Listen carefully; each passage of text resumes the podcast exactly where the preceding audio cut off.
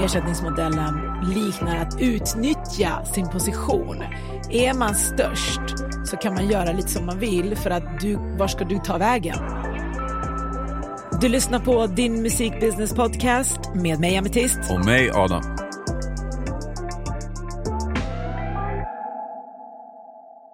Välkomna till veckans avsnitt av din musikbusiness podcast med mig Adam och Ametist. Yes. Dagens avsnitt har vi valt att döpa till The Golden Club. Vill du förklara varför? Ja, det är ett begrepp som representerar de 0,2 procent 0,2 procent av eh, alla artister som finns på Spotify, eh, vilket utgör 13 000 artister ungefär, som faktiskt kan säga, kan försörja sig på sina streams via Spotify. Mm. Enkelt sagt är det det. Så vi ska ju liksom prata om Spotify idag, kan man ja, säga. Ja, ja, det tror jag är ett superrelevant ämne. Hur många användare har Spotify?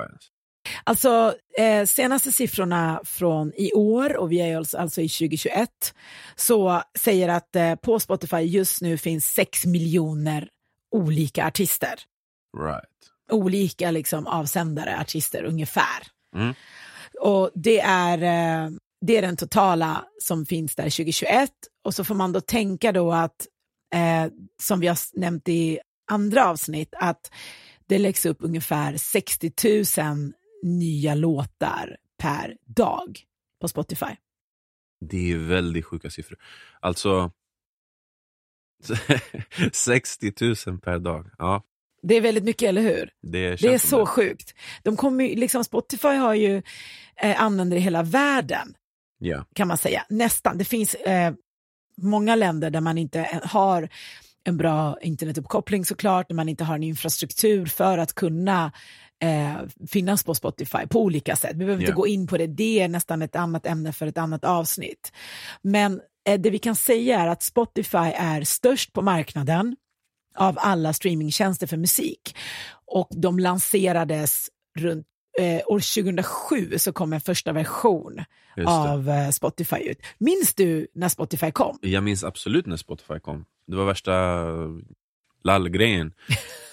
Berätta.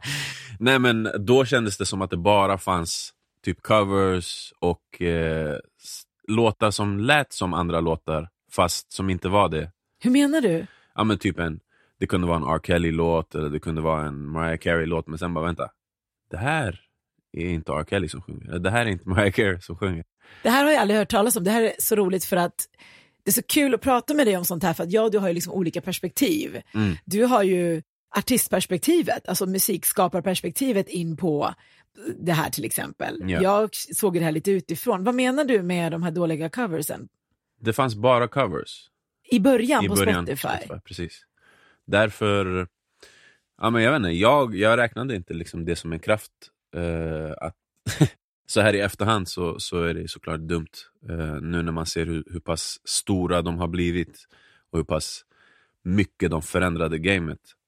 Eh, men jag, jag, jag minns att jag hade en spelning på Handelshögskolan i Stockholm och så, då träffade jag Spotify-grundarna. Vilken, vilket år är det här? Det här är 2007. Mm. Det här är 2007 och då visade de mig en tidig version av Spotify.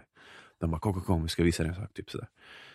Eh, visade de mig ja, men, så user interface, hur det skulle se ut, att man skulle kunna lyssna på vilken låt som helst, bara klicka på en låt och så skulle den finnas där. Hur såg det ut då? Såg det ut som Spotify ser ut idag?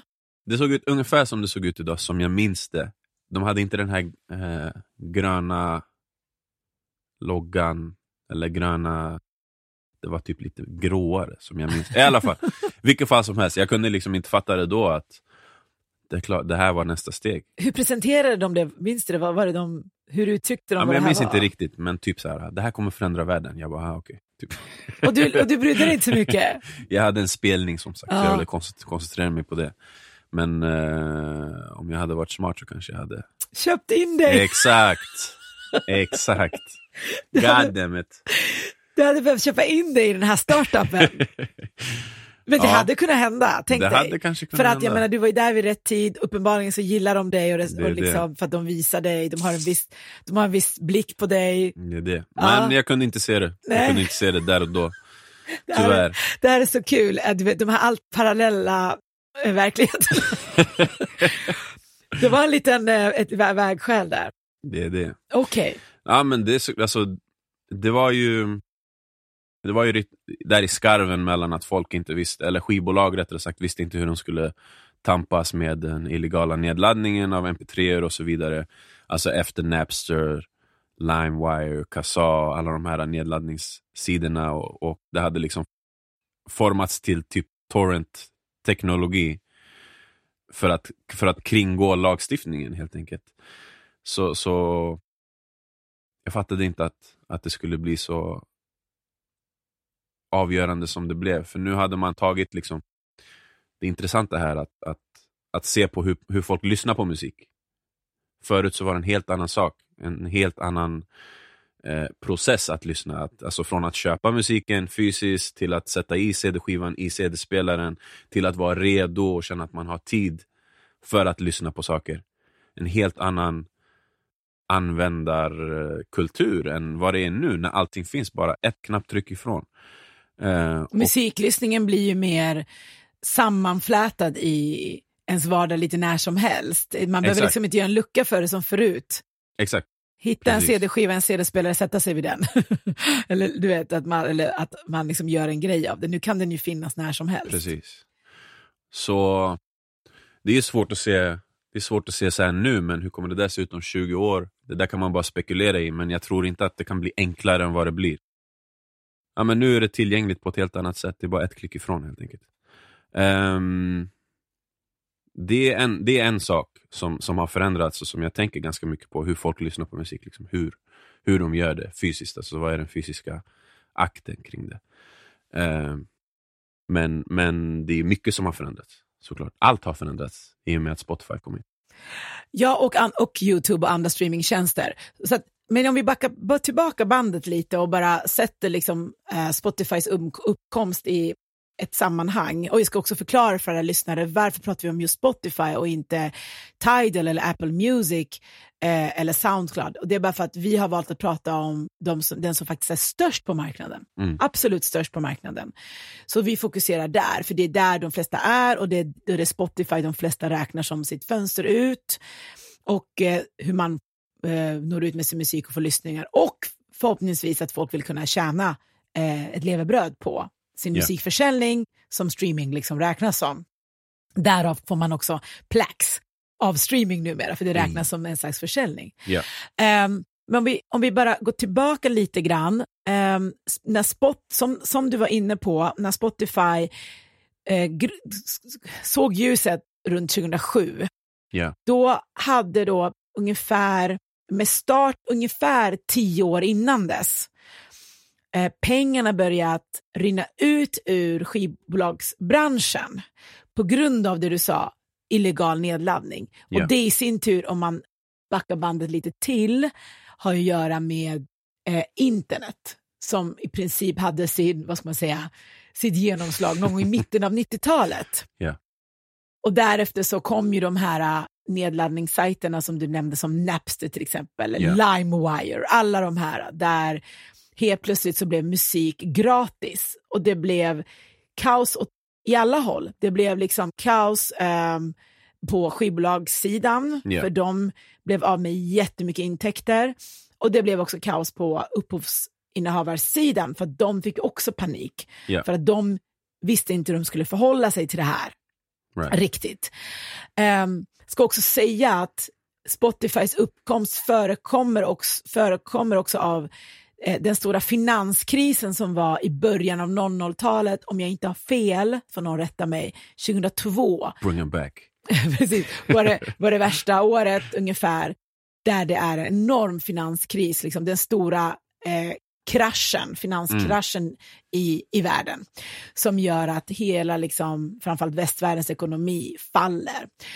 Det här gjorde ju att skivbolagsbranschen blev av med väldigt mycket pengar. Åh stackars. De såg alltså, precis, du, du är lite, är lite ironisk där när du säger stackars.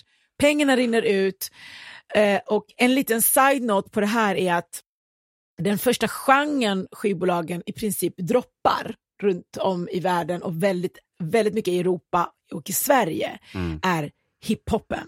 Skräll. Den, den genren som de slutar mer eller mindre signa och satsa på Ja. blir hiphopmusiken. De satsar mer på de här breda, stora alltså popartisterna. Ja, såklart.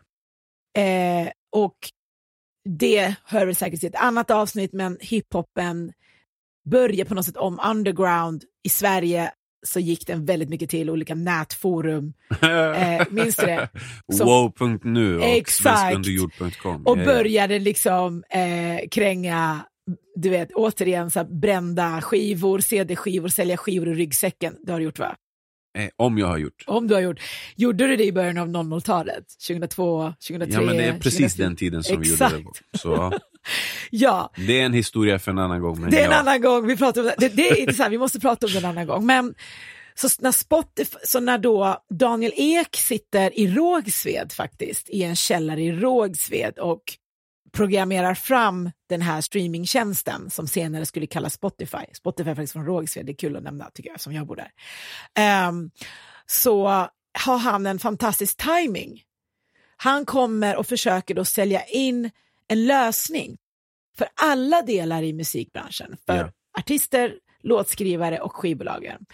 Och jag minns ju den här början med start 2007, 2008, 2009 som att det var väldigt motigt för dem att förklara för majorbolagen, skivbolagen att man kan, att det, att det finns en tjänst som gör att man kan trycka på en låt och, och lyssna på en låt och sen så får den som har gjort låten betalt, att man inte längre ska sälja singlar och Ja. för du vet, man får komma ihåg för de som är yngre och lyssnar, lyssnar att vi kommer här, vi är fortfarande i CD-eran ja, när vi, när vi pratar om att Spotify är ny. exakt. Det här är CD-eran. Jag började göra radio 2007 och jag hade högar med, med CDs, Ja. demos brända på CDs på mitt skrivbord hela tiden. Mm.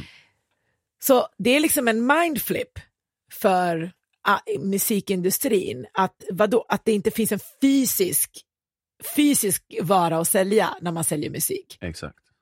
Det är en total så här, mindfuck. Så det var en jättetröskel för Spotify att förklara det här.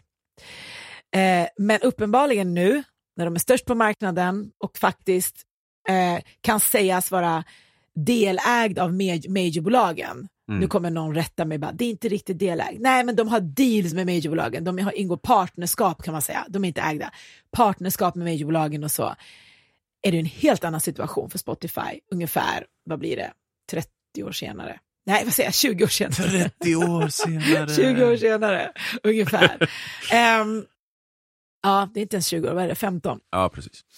Så att ehm, på 15 år så har de ju gått från att försöka övertyga om, helt, om en helt ny konsumtionsmodell och Ja. ersättningsmodell till att ha partnerskap med, eh, med alla majorbolagen eh, och vara störst på marknaden. Exakt. Och har eh, förändrat, alltså allt ifrån konsumtionsmönster till eh, att faktiskt också ha demokratiserat musikutgivning. Eh, Berätta hur du tänker kring det. jag tänker att, att eh, ja, men alltså, vet, vi pratar om, om skivbolag, att de, de förlorade sina intäkter och så, så vidare, och så jävla synd om dem. Och så här, och de visste inte hur de skulle anpassa sig till en ny värld och försöka ställa sig i vägen för ny teknologi, nya mönster, eh, nya generationer som ville ha saker på andra sätt. Eh, de vill alltså, det det handlar om här är att folk vill lyssna på musik. Är du med? De vill lyssna på musik utan att behöva köpa en CD-skiva. Sen så är det förvisso olagligt ifall man inte eh, gör det på rätt sätt. Men nu gjorde Spotify det på rätt sätt. Vilket också då innebar att man kunde, man kunde cut, cut the middleman off helt och hållet. Och man kunde släppa upp musik utan att behöva vara eh, en populär akt eller en populär eh, eller ens vara, var inom populärkultur överhuvudtaget. Så Nu behövdes det inte längre ett skivbolag som sa okej okay till saker. Det här investerar vi i, det här släpper vi. Det här lägger vi våra pengar på. Nu kunde man avgöra den frågan själv. Så i den starka gör det själv-kulturen till exempel, som man ofta liksom förknippar med hiphopkulturen, gatukulturen, mm. är ju bra på att göra det själv kulturen för att den har alltid varit lite utanför, väldigt utanför ibland. Ja, för och att lär sig har... göra själv, så var ju det här perfekt verktyg. Exakt, exakt. Så alltså, nu, nu pratar jag inte bara om, om Spotify i sig, men möjligheten att nå en publik utan att vara uppbunden av ett kontrakt med ett bolag. Där, här händer det någonting, är du med? Att, att kunna göra det och fortfarande befinna sig på utsidan men ändå nå fram. Eh, den möjligheten hade inte, funnits, hade inte funnits tidigare. Nej, och till den bilden lägger vi då eh, lägger vi då också sociala mediers uppkomst. Facebook lanserades också 2007. Yes. Eh, vilket är intressant. Och några år efter det kommer eh, liksom Twitter och sen sist ut mm. av de stora sociala medieplattformarna är ju Instagram. Och, men de kommer ju också, Facebook kommer ju också eh, 2007 där och växer liksom jämsides med Spotify. Och då helt plötsligt då har vi en situation där eh, artister, eh, musiker har alla verktyg som man teoretiskt kan tänka sig behöva för att själv nå ut till sin publik. Exakt. Det gynnar independent-akter inom svensk hiphop väldigt mycket, minns jag. Jag vet mm. liksom att grupper som många skivbolag tyckte var kanske lite främmande. Jag minns till exempel eh, Labyrint var jättebra på att eh, till exempel att eh, förvalta den här eh, direktkontakten med publiken. Yeah. Ska också nämnas såklart, det glömde vi. Youtube kommer också runt 2007. Yes. Den kommer in också. MySpace också. Den var innan. Ja. Den räknar vi inte. Den dog då när alla de här kom. Typ. Så att eh, så från och med någonstans runt 2007 och framåt så blir verktygen för direktkontakt med sin publik, för en independent-rörelse och en gör det själv-kultur hela tiden starkare, starkare, stark, starkare. Yes. Och nu är vi här. Och nu är vi här. Där man liksom kan bilda en, skapa sig en fanbase via sociala medier, lägga ut sin egen musik, presentera det för dem, tillbaks in på sociala medier. Eh, man kan eh, berätta att man har en spelning och liksom man kan Exakt. i princip, rent teoretiskt, det betyder inte att det, alla kan göra lika väl och alla har samma liksom, know-how. Men rent teoretiskt så har alla en 360 möjlighet att göra det själv. Exakt. Exakt. Så med, med, med det sagt um, så, så kan en aktör som Spotify som liksom är en, en legit, legit player in the game, en plattform där alla befinner sig på, uh, gör på, på ett sätt den här cirkeln komplett. Är du med? För att det hade varit en annan sak ifall man var tvungen att eh, använda sig av en plattform som inte hade regelverket intakt. Eller eh, Förstår du vad jag menar? Att ja, men om vi säger använda en, en plattform som Napster för att nå ut. Som, som baseras på, på eh, copyright-intrång. Typ. Förstår du? Ska också bara nämna att eh, en liten parentes, intressant information för de som lyssnar är också att eh, det är inte bara Spotify som är svenskt. Soundcloud är ju också eh, delvis en svensk uppfinning. Yes. Och en första version av Tidal, nu har jag glömt namnet, är också svenskt. Norskt. Svensk-norskt. Ja, det är blandat. Precis. Jag tror en, en var svensk, en var norsk. Vi får kolla där, vi kan posta om De det. De hette Wimp innan. Wimp. Exakt. Så det är lite kul tycker jag hur vi här i Norden befinner oss i täten av sådana typer av innovationer. Ja, det är det, roligt. Det är tech, eh, tech-innovationer i grunden som, som förändrar användarmönstret, typ skulle jag säga.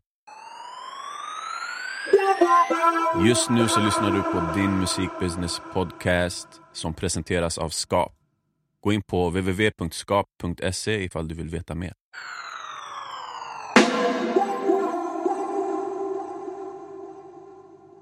Men om vi säger så här då, eh, var störst på marknaden är ju säkert skitfett, för, antar vi, för Spotify, som också börsnoterades för, eh, yeah. vad är det nu, två år sedan tror jag. Eh, tre år sedan kanske. Nyligen, nyligen så börsnoterade Spotify, vilket innebär att man liksom går upp i en annan typ av värld där man ser på eh, pengar som flödar eh, på ett annat sätt och blir ännu mer business och corporate. Ja. Med att vara störst på marknaden så, för, så följer också förväntningar och frågeställningar från framför allt, eh, i det här fallet, musikskapare. Mm. Och vi måste också komma ihåg, tänker jag, innan, innan jag kommer vidare i mitt resonemang, också att jag tänker att eh, det, det, är kanske eh, inte så konstigt att Spotify idag får så mycket kritik och ifrågasätts så mycket med tanke på att jag, jag tänker mer att det kanske inte är så konstigt att de har olika modeller och saker de har gjort som gör att de blir ifrågasatta och kritiserade. Jag tror att det hänger ihop med att de faktiskt kom upp, skapades ur en situation som var den värsta möjliga för musikbranschen. Vi pratar ju om att pengarna rinner ut och, Mm. så, och ingen vet hur man ska göra liksom, och finanskrisen har precis funnits där.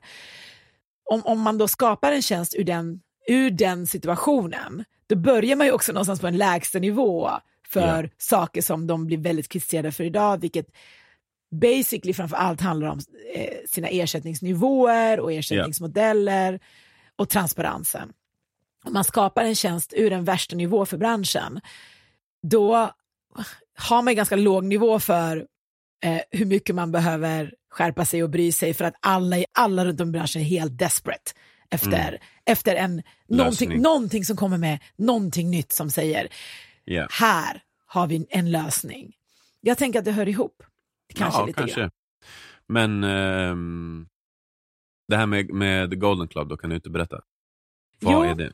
Ja, den är ju, eh, precis, den är ju i sig lite krånglig att förstå. Jag tänker att för att man ska förstå den så måste man först förstå eh, ersättningsmodellen för att The Golden Club är liksom som ett resultat på eh, ersättningsmodellen. Ja. Så jag tänker att vi kan börja i den änden istället. Absolut. Eh, det handlar om att, och det har vi ju postat ganska mycket för, om Spotifys utbetalningsmodell som också har varit den samma utbetalningsmodell för att säga, säga som används av Tidal till exempel Mm.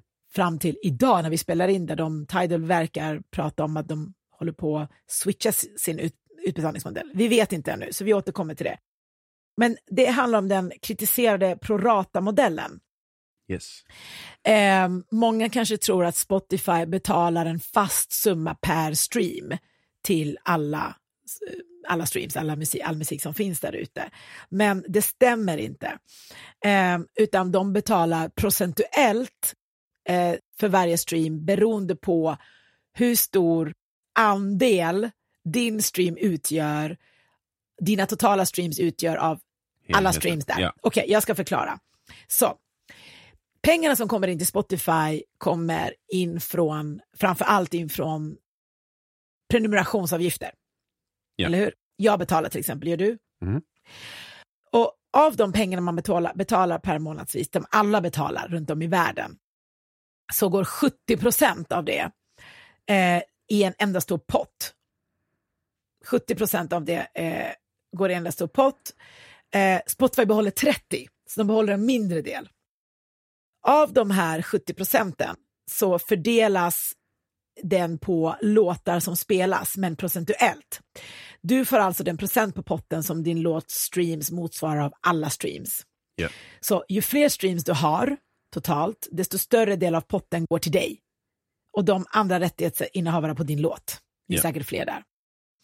Sen så betalar du säkert en cut till din, din, kanske ditt skivbolag och vad det nu är, vad ni, vad ni har för deals och din manager kanske har en deal med dig. Spelar ingen roll. Din pott utgörs av eh, hur, ju fler streams du har, desto större del av potten går till dig. Så det betyder liksom att om Drakes streams eh, står för, för 1% av alla streams på Spotify eh, under en månad så kommer Drake också få 1% av hela potten. Om Drake streams utgör 30% av alla streams eh, under den månad av alla streams Mm. på Spotify så han 30% av potten. Det är, så vad, tänker man så här, okej, vad betyder det här för den som prenumererar, för mig som betalar för Spotify? Det betyder att en stor del av min månadsavgift går automatiskt till, Drake. till stora artister, som till exempel Drake. Även om jag absolut inte har lyssnat på Drake. Jag kanske, jag kanske absolut inte har lyssnat på Drake. Och då har du inte lyssnat på Drake. Alltså, personligen jag har ju lyssnat på Drake, men, men så det betyder för mig som prenumerant att jag supportar liksom inte de jag lyssnar på, utan jag supportar massa andra som jag inte lyssnar på.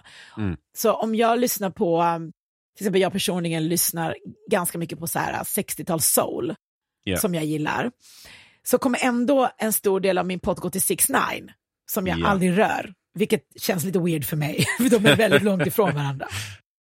Och det här har liksom också, det här har protester, varit, det, fanns, det har funnits protester kring det från prenumeranter som faktiskt, ja, rimligt, rimligen vill liksom supportas de, den musiken man gillar. Liksom, hade jag Mm. fått välja så hade jag ju fått supporta de jag gillar. Det känns schysstare för mig. Men det är också ehm, artister, musiker, upphovsrättsinnehavare eh, som tillhör genre som inte är så starka idag på streamingplattformar, som till exempel jazzmusiker. De har också protesterat mot det här. De, det är ju liksom en genre där man, där man fortfarande konsumerar vinylskivor en, en hel del, köper Ja. vinylskivor kanske och så, till och med CDs. De har de senaste åren reagerat på den här modellen också som alltså gör att största delen av deras streams inte går till dem, Mm. utan det går fortfarande till popmusiken. Och det tycker de eh, är skittråkigt, att det ska gå till de kommersiellt större akterna, att de inte får Right. behålla sina fans på något sätt. Och i tredje benet då, eh, så innebär den här prorata-modellen eh, också någonting för mindre artister som också har protesterat. Vi har sett senaste åren ehm, demonstrationer utanför Spotify högkvarter eh, i olika länder. Vi har också sett en så kallad Exit Spotify-kampanj Mm. eh, och så vidare som är resultatet av att de tycker att det är oschysst att ju större Drake blir och ju fler streams Drake får, eh, desto mindre pengar får en mindre etablerad artist för sina streams eftersom det är procentuellt. Alltså, Så- och det, när vi pratar om Drake så pratar vi om det här är Drakes skivbolag som får de här pengarna. För att han har bara 11% av... Ja, men det blir bara, det blir bara krångligt Ja. att prata om. Vi måste prata som Ja. artist. Så de mindre krossas liksom eh, ekonomiskt under större, kan man Mm. beskriva det som. Och ju större de blir, desto mer mindre blir mindre. Right. Och, eh, och Men det, en fråga. Ja. Jag har en tanke här. Ehm, om, om jag får ta av er, personlig erfarenhet så var det ju så att i början av min karriär så fattade jag, fattade vi, att vi var tvungna att ge musiken ge bort musiken gratis, ladda upp den på till exempel MySpace för att överhuvudtaget kunna få en publik. Eh, och jag tänker att, att på samma sätt jag tänker att så måste det funka idag också. Inte att det ska behöva vara så eller att ersättningsmodellen inte kan bli bättre, för att det kan den absolut. Men eh, om, man är en, eh, om man är en akt som har 200 streams i månaden eh, så kommer en, en, en ersättningsmodell inte göra så, så, så stor skillnad i slutändan av dagen. Eh, förstår du vad jag försöker säga? Att artister har ändå alltid varit de som får ge mest och få minst tillbaka. Och Spotify eh, och, och hur dagens konsumtionsmönster ser ut och hur folk lyssnar på musik, det har inte förändrat den saken. Pengarna hamnar alltid där pengarna hamnar. Jag hörde, det beror väl på om man vill acceptera en sån typ av modell. En Mm. sån typ av, i grunden en kapitalistisk modell som i, som i grunden är byggd på, alltså på ryggen av de Mm. svagare i, i vilken, vilken liksom arena som helst, om det nu är samhället eller musikbranschen eller vad det nu är. Ja, exakt. Men alltså om man, om man då, ja, och jag håller med dig. Men jag tänker så här, vad hade hänt ifall jag inte laddade upp musiken på MySpace då? MySpace, Ja, då, då när det var gratis, precis. för att göra dig själv synlig. precis. Okej. Det, det du pratar Så om det, är... det valet kunde jag ha gjort. Ja, Samma, samma, på samma sätt skulle artister idag kunna säga, nej men vet du vad, då vill jag inte ladda upp min musik på, på Spotify ifall villkoren ser ut så här då. Om man nu är så, så emot det. Eller, Men, men det går ju inte. Det är det som är problemet att, ehm, och det är här liksom man börjar komma åt någonting som för mig och jag tror för många som kritiserar det här, ehm, ersättningsmodellen liknar att utnyttja sin position. Ja. Är man störst så kan man göra lite som man vill för att du, var ska du ta vägen? Ja, exakt. och det blir ju, eh, alltså, det är liksom det är definitionen av en oschysst modell. Bara för att du är beroende av mig så kan jag liksom göra lite som jag vill med dig. Mm. Om du är beroende, om jag och du, om jag och du eh, hänger ihop så här och du är i en beroendeställning av mig så kan jag sänka din lön hur mycket jag vill för att du kan inte ta vägen någon annanstans. Exakt. Det här liknar ju väldigt mycket eh, papperslösa till Ja. exempel, alltså om man drar det till sin spets, nu överdriver jag lite, Ja. men bara som att, för att kunna relatera, som inte har alternativ som då blir utnyttjade som arbetskraft för, för alltså pocket money, för att, Mhm. utge, för att göra jobb. Det blir ju en form av, dels blir det liksom kapitalism i, sin, i sitt esse på något Ja. sätt, på det dåliga sättet, men också en form av att utnyttja en beroendetillställning, så att Ja. säga. Ja, precis. Så är det ju. Men, men eh, faktum kvarstår då att eh, vi inte behöver ladda upp vår musik på Spotify. Nej, Eller? och det finns däremot ett annat alternativ, det är ju user-centric-modellen. Ja. Eh, som idag när vi spelar in det här, Tidal börjar prata om att de, de verkar ändra hela sin modell. Vi vet inte det här, vi måste kolla in på det här. Ibland låter saker som någonting och så är de ändå inte det. Men det är, eh, vilket betyder att det finns, eh, alltså user-centric-modellen betyder att varje, mina, mina medlem, min medlemsavgift går till dem jag streamar. Ja. Punkt slut. Alltså det, och det verkar ju rimligt i liksom- sammanhanget. Inte komplicerat och då vet man att man får det man får. då får ju ändå mindre mindre än större, men större får inte av mindre pengar. Right. Förstår du hur det, skillnaden blir? Mm. Du kommer ju fortfarande få mindre eh, pengar än Drake, för Drake är mycket större än dig. Men Nej, säg inte sådär. han är inte större som person, Adam. Du är absolut större som person. Det är jag faktiskt helt säker på i övrigt. Eh, Att jag sitter hellre med dig än med Drake. To be honest. vi känner inte Drake, vi kan inte veta. Jo, men jag har min aning. Han har alldeles för många... Han, han, han har ett helt rum med Louis Vuitton-väskor. Låt honom. Har du sett att han har byggt ett rum med Louis Vuitton-väskor åt sin framtida fru? Nej.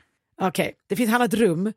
Som Vi han hela tiden- med, vi behöver inte prata med Drake. Han menar att det här är min framtida fru. Han försöker liksom locka tjejer med det. Jag vet inte. Jag sitter i alla fall hellre med dig. Anyway, men det betyder att med user-centric-modellen då får du fortfarande mindre betalt från Spotify än Drake. Men Drake får inte av dina pengar. Right. Och Spotify får sina pengar som vanligt. Det vet vi inte. Det beror på vad de har för modell. Men däremot får du kanske också mindre för att du kanske idag, Adam, får, får äta på ännu mindre rappares. Ja, exakt. jag Ännu mindre. Nej men vad heter det? Nej, jag alltså, jag är helt. Jag är helt Du med. äter ju av de som är mindre än dig i den här modellen. Hur Precis. känns det? Ja, det är ett moraliskt dilemma, helt klart. Jag ska menar inte bort att min skratta. musik. Jag ska ta bort min musik från Spotify. Och ladda upp den på MySpace. Jag skrattar inte åt de mindre rappare än Adam. Jag skrattar åt bara att eh, man bara så här, säger det till dig här. Det var inte Adams fel. Modellen är vad den är. Det var Ja, inte du det, som ja, precis. Det är inte, jag, jag, äger, jag äger inte Spotify. That's what I'm trying to say. kunde ha ägt. Precis, kunde ha gjort det. Fan. Du kunde ha ägt. Okej, så user-centric-modellen. Nej, Va- ja, vad hade precis. du Alltså, som här- artist känt för den? Jag tänker så här att eh, ja, men, tjänar redan lite pengar på Spotify, så det, det spelar inte så stor roll i, i slutändan. Förutom att man då skulle veta att okej men fan, nu går mina pengar här alltså, inte till eh, någon artist som jag egentligen inte vill supporta. Vilket känns bra. Och rimligt, typ, på ett sätt. Eh, Sen är frågan, alltså du, du, nämnde, du nämnde det här, vad, vad fan är alternativet då? Att det har funnits en eh, Exit Spotify-kampanj och så vidare. Att det finns lite olika plattformar som man kan befinna sig på, där man kan ha direkt kontakt med sina eh, lyssnare eller sina supporters eller whatever, Patreon typ. Patreons Ja. har det börjat pratas om lite grann. De, Mm. som är, de som är riktigt små eh, eh, tjänar ju på att, eh, liksom att gå ut på en Patreon. Om man har 300 lyssnare Ja. och de betalar 50 spänn var så blir det liksom mer pengar än, än att eh, du, du har 300 lyssnare. Förstår du? Right. I, på Spotify i, i princip. Nu är jag lite slarvig med ett räkneexempel som vi inte har, men du förstår modellen liksom. Ja, de kan väl betala vad som helst till och med. De kan betala vad som helst till och med. Så att Precis. det skulle vara en Patreon-modell.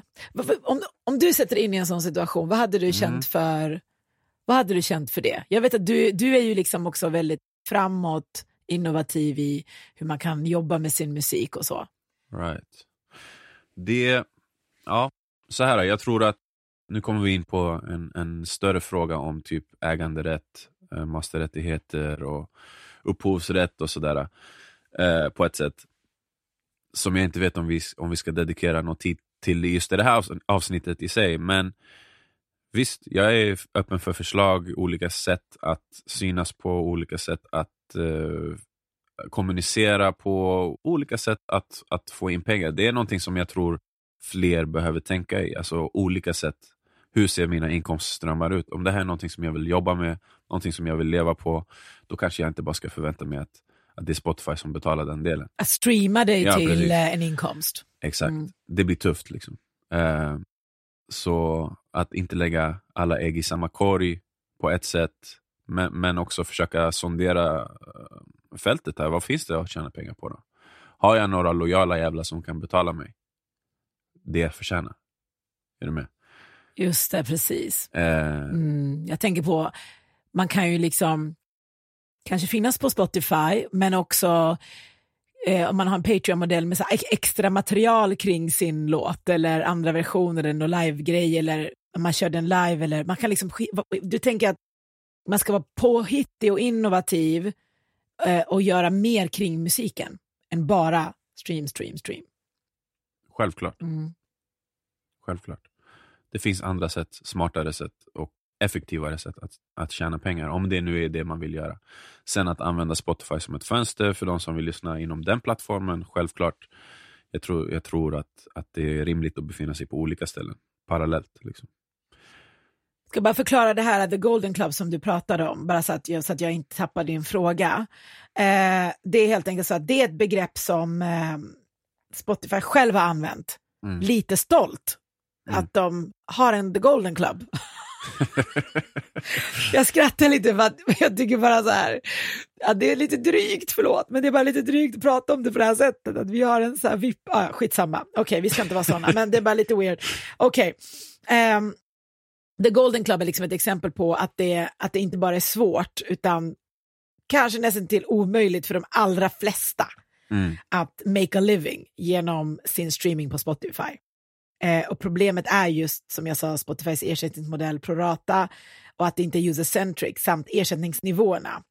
Eh, The Golden Club är, handlar om eh, 0,2 procent Right. av alla artister på Spotify. Det är nämligen bara eh, 0,2 procent av alla artister på Spotify som tjänar i svenska kronor översatt 440 000 kronor om året före skatt. Ja. Som är ju en årslön liksom för, Ja. för en del. Eh, en ganska bra årslön kan man tycka för många.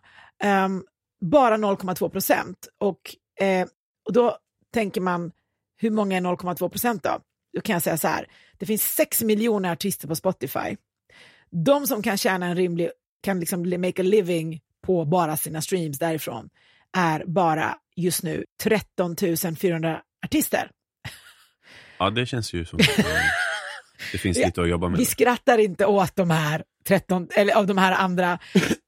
Vi skrattar, Jo, vi skrattar, åt, vi skrattar åt allt. Okej, åt och, och då har Spotify då sagt att av, av de här 13 400, eh, de tillsammans med 43 600 andra, eh, alltså runt, hur många blir de? Vad är 43 600 plus vad är det, 44? Ja, typ Do Fem- the math. 50-60 000. Av dessa 13 eh, 400, eh, de ingår tillsammans med 43 600 art- artister som också tjänar mest på Spotify eh, i en grupp som i media och av Spotify kallas för The Golden Club. Och de Stort grattis stoltserar, till dem. Stort grattis. Spotify stoltserar med att de som ingår i The Golden Club, som är totalt, här har jag ju siffran, 57 000 artister Ja, av 6 miljoner. okej, men ja. Vänta, vänta. De här eh, 57 000 artisterna, de delar alltså på hela 90 procent av alla royalties som betalas via streams. Mm. De delar alltså på 4,5 av totalt 5 miljarder dollar utbetalda royalties. Ja. Alltså förstår du, det är lite, det är, det är jävligt mycket alltså.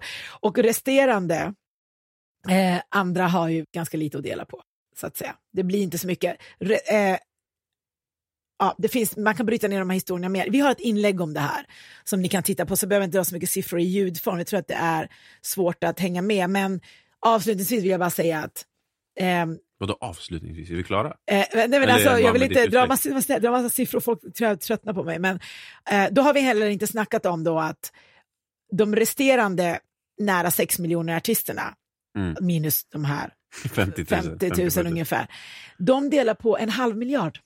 Ja. Ja. Det är du. Eh, Och Så är de, det. och, och de här eh, runt 50 delar på 4,5 miljarder ungefär. Ja. Förstår du pyramiden här? Som börjar Ja, ja, ja sig? men alltså det, det går, jag, kan inte, jag kan inte gå in i, i Spotify och säga fan jag förtjänar lika mycket pengar som Drake. Är du med? Så även fast det hade varit intressant att se då vad eh, user-centric modell hade gett i jämförelse med den här nuvarande prorata-modellen. Om man kunde få några siffror på det, att Spotify, kanske Daniel Ek kanske kan svara på frågan, Ehm, så hade det varit intressant att se. Ja, men han kommer inte ge dig några siffror. Nej, Det är kanske också inte. för Men jag kan ställa frågan. Det har varit en fråga som har varit uppe på tapeten i kanske ungefär tio år, eh, som, som också Skap har jobbat ganska hårt med, även på EU-nivå, att man kräver Spotify på transparens kring vad är liksom, vad är siffrorna? Ja. Hur fördelas, hur ser det exakt ut? Och de har ju partnerskap med majorbolagen, att man inte, de inte riktigt berätta hur fördelas pengarna till dem och vad har man för deals och liksom så de, och de, de vill inte skapa den här transparensen, vilket eh, kan tyckas är ett problem. Återigen tillbaka till att de är störst på marknaden och att sådana som vi, jag som betalar prenumeration är ju den som betalar för allt det här. så att man vill ju, nu är de ju börsnoterade också, så då kommer pengarna in också från en, ett annat håll. Men man vill ju veta hur ens pengar används. Det Liksom. det. Så att, eh, ja, Ja, jag, men vi ställer frågan helt enkelt, sen eh, får vi eh, hoppas på att få ett svar här. jag tror att vi lyckas. E, EU eh, misslyckades. Ja, men EU, EU med. din musikbildningspodcast eh, lyckas. Men, men vad, vad, vad tror du då? Alltså, nu har vi ju förklarat ersättningsmodellen, The Golden Club, vi har berättat att de har liksom deals framförallt med eh, majorbolagen. Mm. Vi postade om att de har en deal med Universal som vi kritiserade på vår podd, eh, eh, Instagram som handlar om att de bereder plats för Universals artister Ja. på sin marknadsplats. Eh, det blir också ännu en sån eh, liksom, eh, slag i ansiktet på de som är independents, framförallt Mm. och de som är mindre. Och så, menar, vad tror vi det här kommer ta vägen? Kan det här fortsätta hur, mycket, hur länge som helst, den här modellen? Um, alltså vad framtiden, i- vad ser jag hända i framtiden? Ja, det där är spännande för att um, apropå det som jag sa tidigare med hur, hur, man, hur man lyssnar på musik. Eh, då i jämförelse med nu och så här. Alltså jag har ju varit med om, om båda, eller alla tre faser egentligen. Att köpa musik fysiskt, att lyssna på illegal nedladdad musik också nu lyssna på, på streamad musik. Um, saker har förändrats, men jag, men jag ser det, alltså jag, jag har inte den kapaciteten att se, kan man förbättra det där på något sätt? Kan man göra det ännu enklare att lyssna på musik? Kan man göra det mer tillgängligt än vad det redan är? Uh, och vad det skulle vara vet jag inte, alltså nu så här på rak arm, men jag tror att det kommer ske en migration, som det alltid gör, av lyssnare och supportsystem och direktkontakt med, med lyssnare parallellt. Alltså det, här, det, det har funnits parallellt och det kommer alltid finnas parallellt med stora etablerade plattformar som, som Spotify. Man får bara vara redo som, som upphovsperson och som artist eh, eller producent eller liksom kreatör inom det här fältet vara redo att vricka på typ eh, ja, men hur rör vi oss här? Är du med? Det kommer finnas plattformar som, som kommer enabla lite mer direktkontakt med, med eh, liksom die hard supporters samtidigt som som, som vissa kommer fortsätta använda de här stora tjänsterna. Så, ja, jag vet inte. Jag, jag tror bara så här. upphovspersoner i sig får alltid eh, minst av det hela.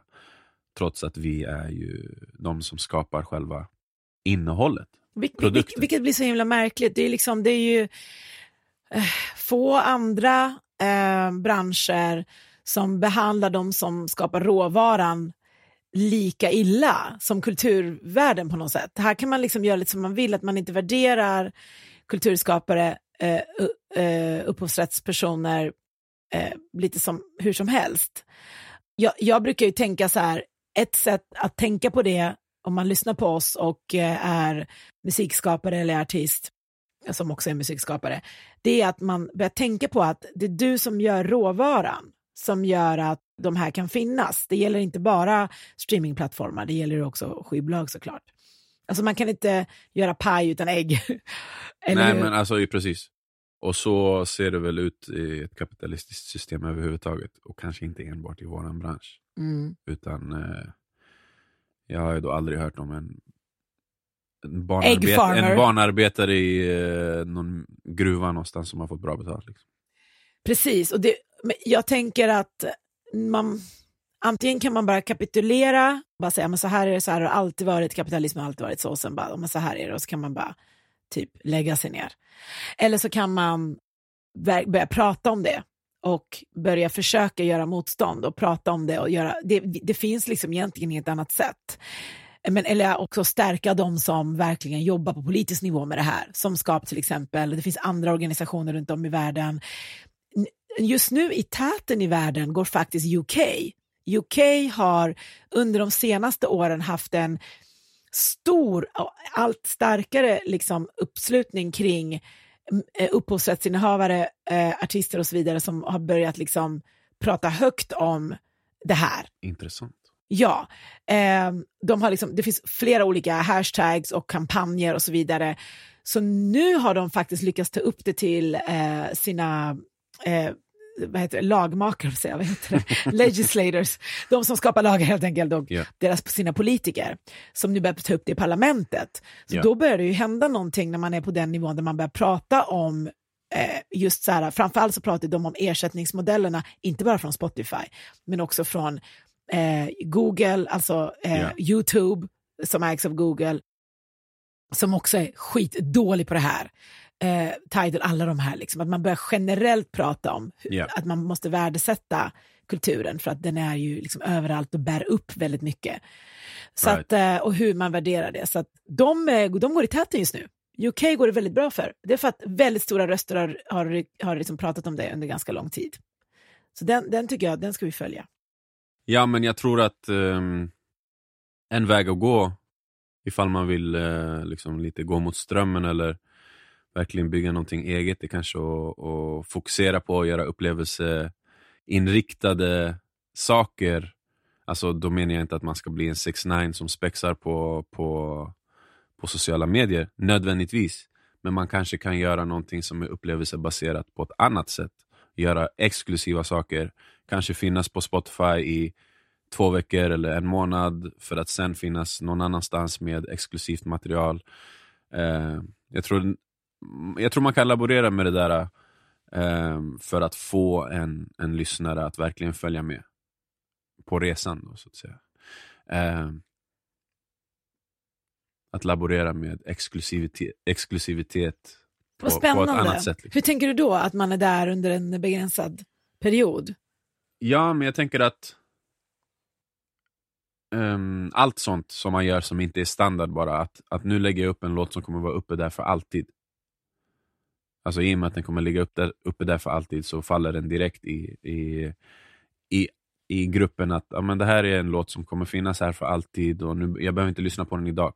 Är du med? Jag kan lyssna på den imorgon. Jag kan lyssna på den om tio år men jag vet att den kommer finnas där. Plockar vi bort den här låten ifrån den, den gruppen låtar som inte kommer finnas där hela tiden så blir lyssningen en annan. Gud vad intressant. Det är så kul att du har tänkt på det här. Uh, jag har aldrig tänkt på det. Det är superspännande tycker jag att man kan börja liksom nästan så leka lite med, man, Mm. manipulera lite hur man använder streamingtjänsterna Exakt. för att skapa ett intresse. Tydligen då har enligt eh, Mattias som är Skaps kommunikationschef, eh, eh, det, det hänt redan med, eh, eh, vad heter det, Salts album Nine som låg på Spotify endast 99 dagar. Mhm. Som gjorde att den har lyssnats på jätte, jätte, jätte, jättemycket. Mer än deras andra album, så du, du är ju inne på någonting här. Ja, precis. Och eh, jag gjorde en, en, en, eh, ett samarbete med en kille som heter Rasmus Keger för ja, cirka tio år sedan. Då. Jag släppte en låt på Facebook som man bara kunde lyssna på en gång. Gud, jag minns det, jag är så glad att du nämnde det, jag hade glömt det här.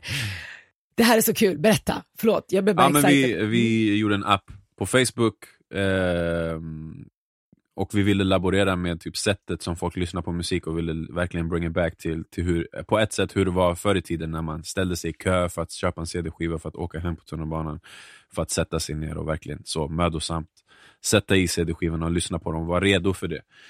Ehm, då gjorde vi en app på Facebook eh, med en låt som man bara kunde lyssna på en gång och som man stod i kö för att, för att lyssna på. Jag stod i kö, Precis. Fick du någonsin lyssna på låten? Ja, jag fick lyssna. Ja, då så. Ja. Eh, men, alltså, det var typ 6 000-7 000 personer i kö one time. Eh, vilket innebar att så det fanns många som tyckte att konceptet var roligt. och så. Man kunde liksom följa låten på en karta, så nu är den typ i Singapore, nu är den i USA, nu är den i Norge eller Finland. Och, så här, Ja, och jag är på plats 300 i kön, så det går snabbt nu. Så, Och det kommer- är verkligen en kopia exakt, som åker runt och man lyssnar på den. exakt. Ja, men det här är så roligt.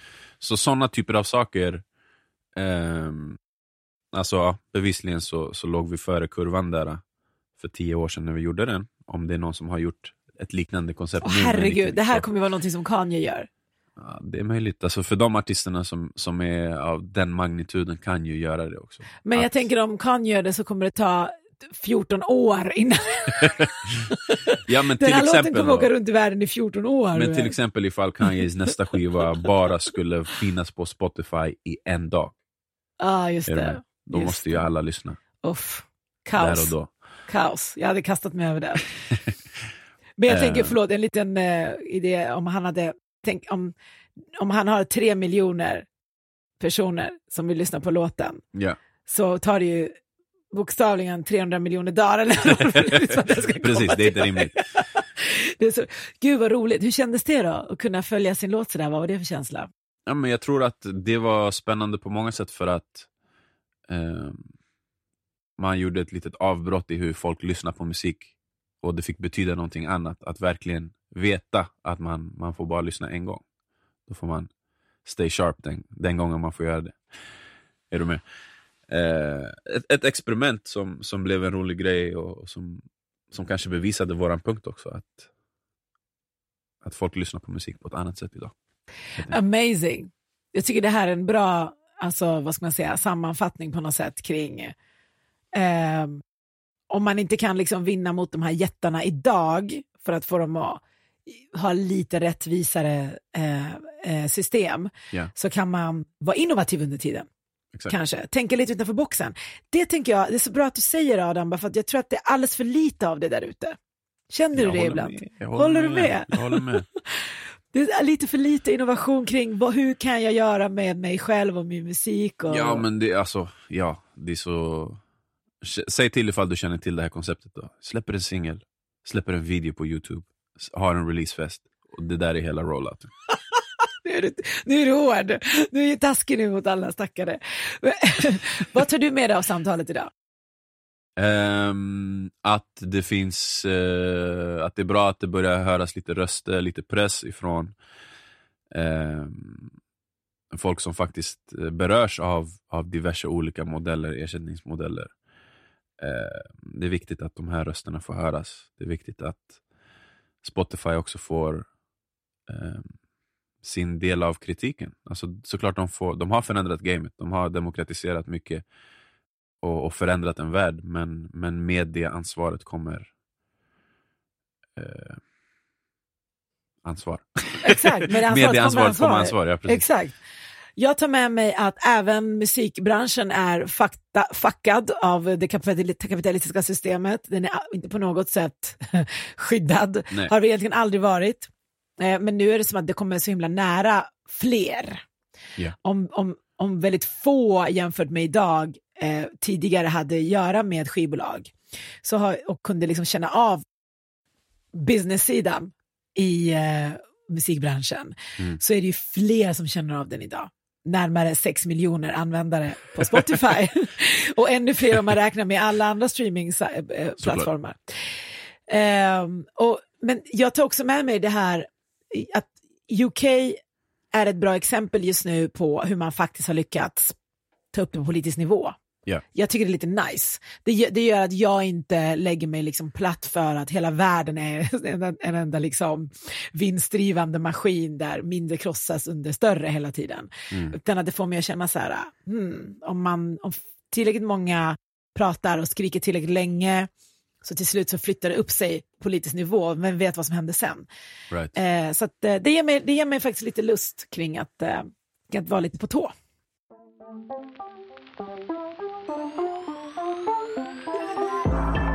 Du har lyssnat på Din Musikbusiness Podcast presenterat av Skap.